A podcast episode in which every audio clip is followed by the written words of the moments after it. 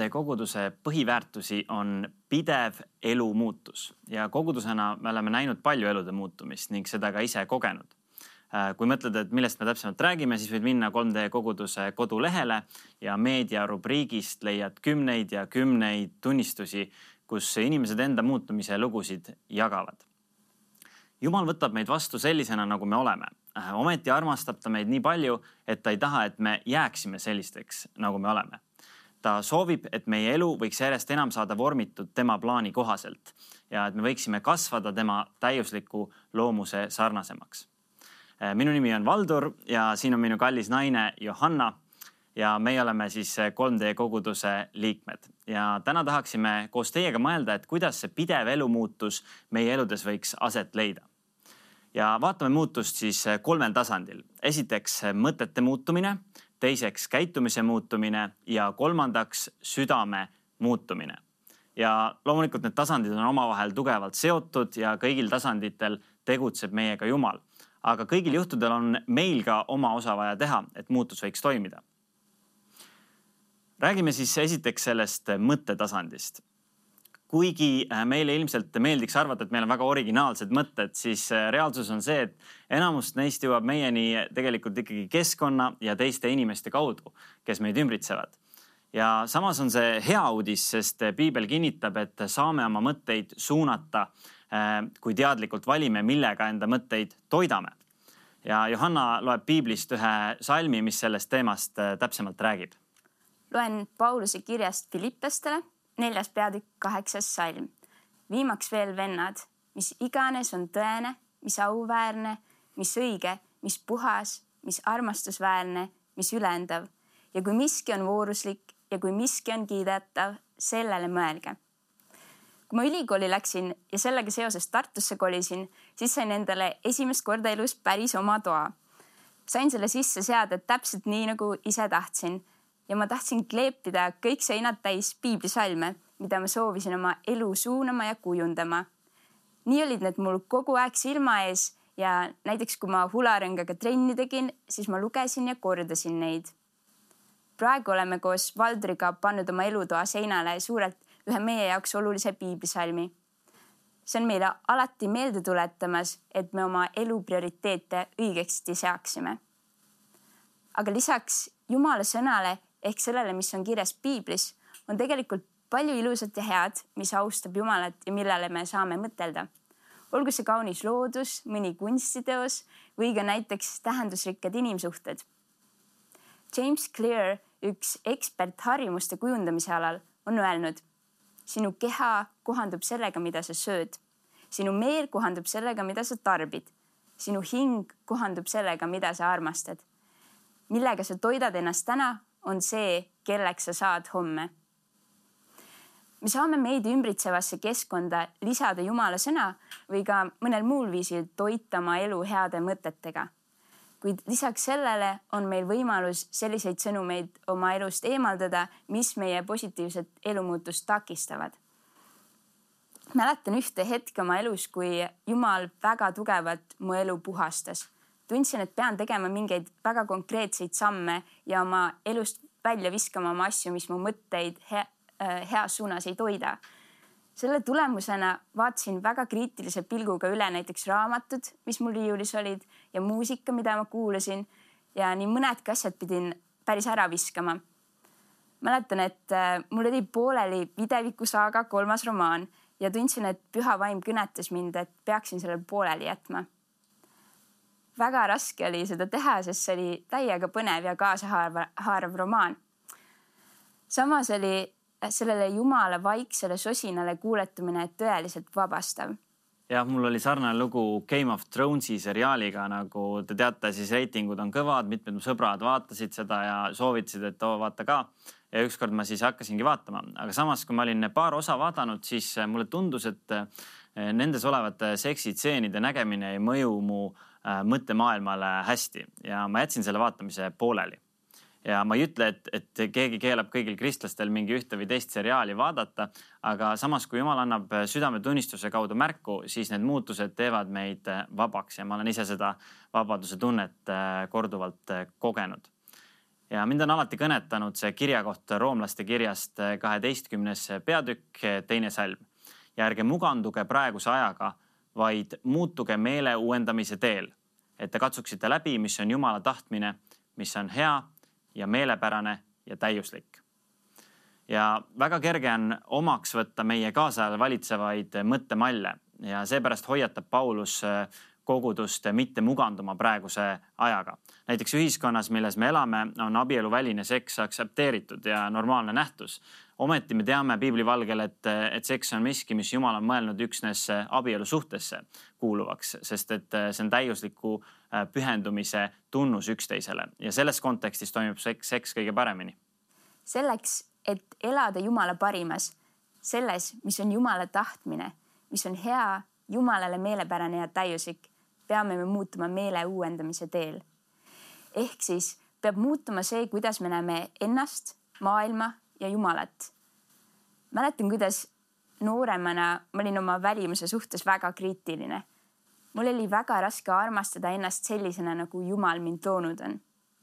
ometi, kui lugesin piiblit, pidin, pidin endale tunnistama, et see, kuidas ma iseennast näen, on moonutatud psalm sada kolmkümmend üheksa, neliteist ütleb, ma tänan sind, et olen nii kardetavalt imeliselt loodud, imelised on sinu teod, seda tunneb mu hing hästi. Jumala sõna valgel oli mul võimalus oma meeli uuendada. hakkasin Jumalat tänama selle eest, millisena ta mind on loonud. tundsin, et see oli alguses päris raske, aga Jumal sai selle kaudu teha tööd minu südames. järjest enam hakkasin end nägema nii, nagu tema mind näeb piibel on meelte uuendamiseks üks imeline abivahend. see on nagu peegel, mille kaudu näeme enda vildakaid mõttemalle ja mõttemustreid ja saame neid Jumala abiga muuta. olgu meie elus probleemiks hirmud ja alaväärsus või uhkus ja enesekesksus või hoopis midagi muud, millest Jumal tahab meid vabaks teha. järgmine tasand on käitumise muutus. meie käitumine saab alguse meie mõtetest ja seega on see eelmise tasandiga väga tihedalt seotud korduvast käitumisest kujunevad harjumused ja meie harjumused kujundavad meie elu. mõnikord teeb Jumal inimese millestki halvast üleloomulikult hetkega vabaks. üks mu parimaid sõbrannasid on kogenud oma elus seda, kuidas Jumal tegi ta päevapealt vabaks narkootikumide sõltuvusest. see on väga suur ime, kuid ometi on ta elus olnud ka asju, mida Jumal ei muutnud tema elus päevapealt. kasvõi näiteks ärevus ja keskendumisraskused. Nende muutumine on olnud pikem protsess, millest Jumala abiga on võimalik siiski võitjana välja tulla. mulle tundub vahel, et äh, mõned kristlased langevad äärmusesse ja ütlevad, et äh, Jumal teeb kõik ära ja meie ei peagi muud tegema, kui palvetama. Äh, vaatame kahte kirja kohta, kus piiblis sel teemal räägitakse kirjas Timoteusele õpetatakse. aga labased kõned ja vananaiste jutud lükka tagasi. harjuta end Jumala kartuses, sest kehalisest harjutamisest on vähe kasu, aga Jumala kartus on kasulik kõigeks ning sellel on praeguse ja tulevase elu tõotus. ja esimeses Peetruse kirjas öeldakse, tema jumalik vägi on meile kinkinud kõik, mis on vajalik eluks ja vabaduseks just seepärast te peategi olema kõigiti valmis arendama oma usus voorust, vooruses tunnetust, tunnetuses kasinust, kasinuses kannatlikkus, kannatlikkuses vagadust, vagaduses vennalikkust, vennalikkuses armastust. sest kui teil seda kõike on ja veel rikkalikult, siis te ei jää laisaks ega viljatuks meie issanda Jeesuse Kristuse tundmises ja Peetruse kirjakoha alguses on öeldud, et, et Jumala vägi on meile kinkinud kõik, mis on vajalik eluks ja vabaduseks. aga meie peame neid kinke kasutama ja mõlemad kirjakohad ütlevad, et meil on ka endal aktiivne roll. me peame end harjutama Jumala kartuses ja arendama kannatlikkust, vennalikkust, armastust ja kõiki muid omadusi, mida Jumal tahab, et meil oleks. ja samal ajal tuleb Jumal oma tegutseva väega meile selles appi nagu paljudel noortel kuttidel tekkis mul teismelisena pornosõltuvus, mis kestis mitu aastat. ja kuna tänapäeval on see ühiskonnas väga laialt aktsepteeritud, siis suur osa inimesi isegi ei näegi selles probleemi. mina olen kristlikust perekonnast ja ma sain nagu alati aru, et see on väga vale, aga ma lihtsalt ei suutnud kuidagi sellest loobuda.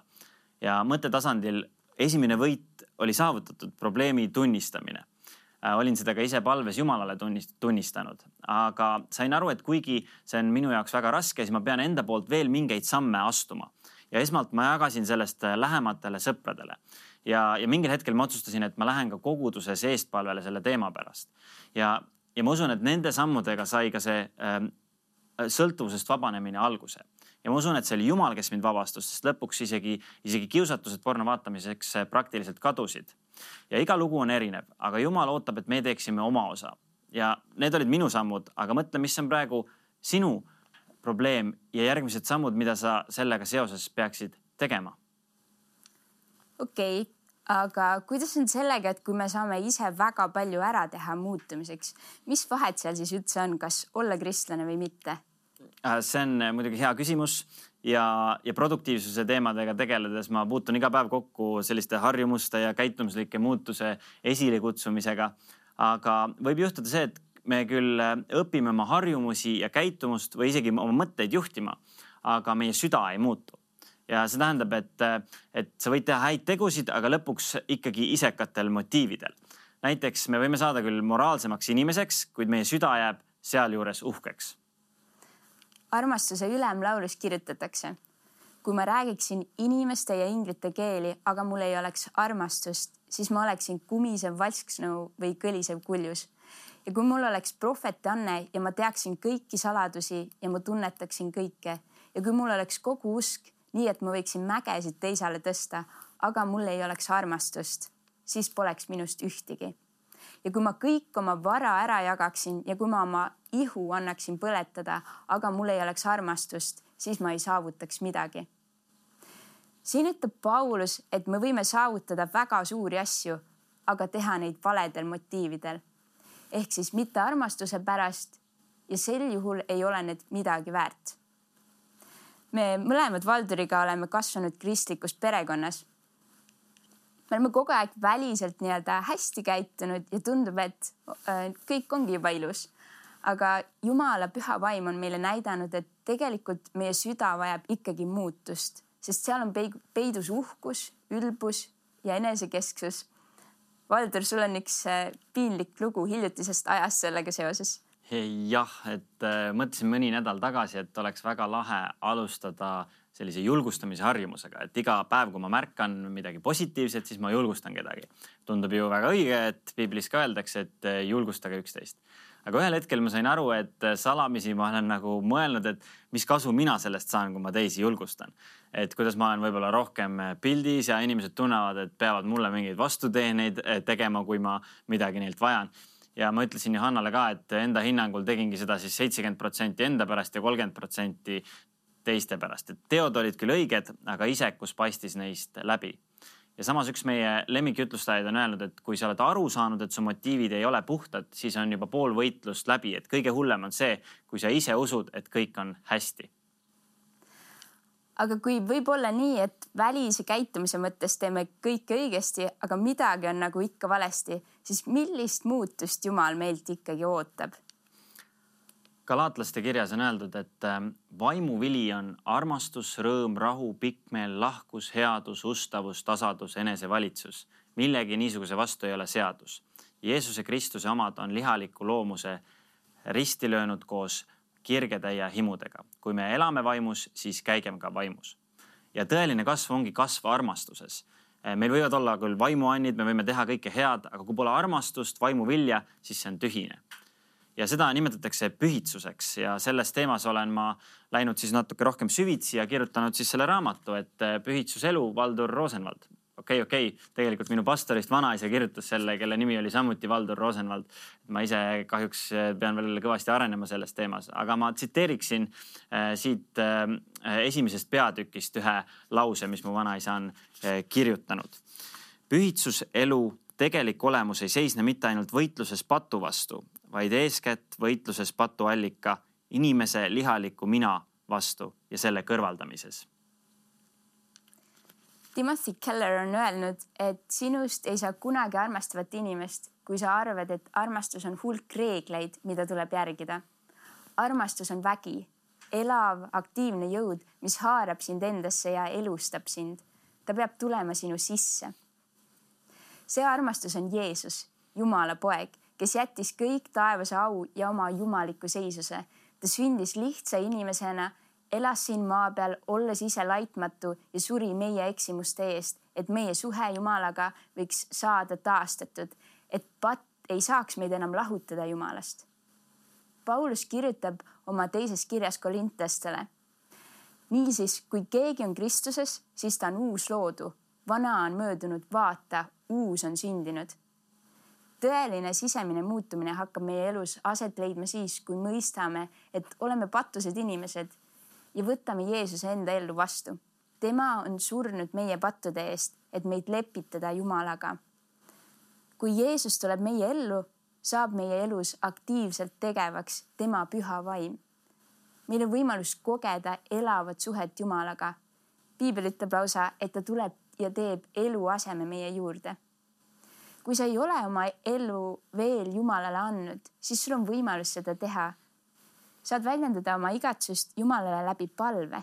kindlasti võid rääkida sellest soovist kogukonna juhtidele või kui vaatad seda kodust, võid ka ise kodus palvetada aga võib-olla sa oled juba oma elu Jeesusele andnud, kuid samas tead, et ka sul on siiski vaja elus jätkuvalt muutuda.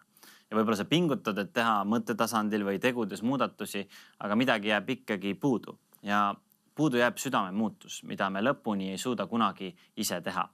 näiteks niipea, kui me pingutame ja saavutame alandliku südame, siis me tunneme uhkust oma saavutuste üle ja oleme jälle alguses tagasi et sellepärast ongi ainus võimalus tõelist ja püsivat sisemist muutust kogeda, kui me vaatame Jeesusele. sest Jeesus läks ristile meie pattude, vana loomuse ja isekuse pärast. Ta löödi risti, suri koos meie isekuse ja pattudega ning seejärel tõusis üles. ja tema on ainus, kes on elanud veatut elu. tema oli ainus, kellel ei olnud vaja sisemist muutust. kuid tänu sellele, mida tema on teinud, võime ka meie saada täiesti sisemiselt muudetud ja meile saab osaks muutus, mida me omast jõust ei suudaks kunagi teha. ja Jeesuse järgijatena, nii üksikisikutena, perekondadena, kogudusena, me püüdleme selle poole, et muutuda Jeesuse sarnasemaks.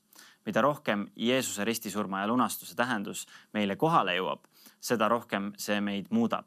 ja kogudus on koht, kus me eh, saame koos teistega selles sügavamale jõuda. kirjas heebrealastele öeldakse vaadakem üles Jeesusele, usu alustajale ja täidesaatjale, kes häbist hoolimata kannatas risti temale seatud rõõmu asemel ja on nüüd istunud Jumala trooni paremale käele. Ja võib-olla ei olegi mõtet eh, küsida siis, et kes siis nüüd täpsemalt neid muutusi tekitab, kas Jumal või me ise, sest eh, piibli valgel me näeme, et me peame igal juhul andma endast parima, sellepärast et Jumal on juba andnud endast parima ja annab ka edaspidi. Ähm, aga selle keskel me peame oma lootuse panema Jumala peale, mitte enda tegudele. Suur aitäh kuulamast ja järgnevalt on teil võimalus kas siis kogukonnaga äh, arutada või ise mõtiskleda järgnevate küsimuste üle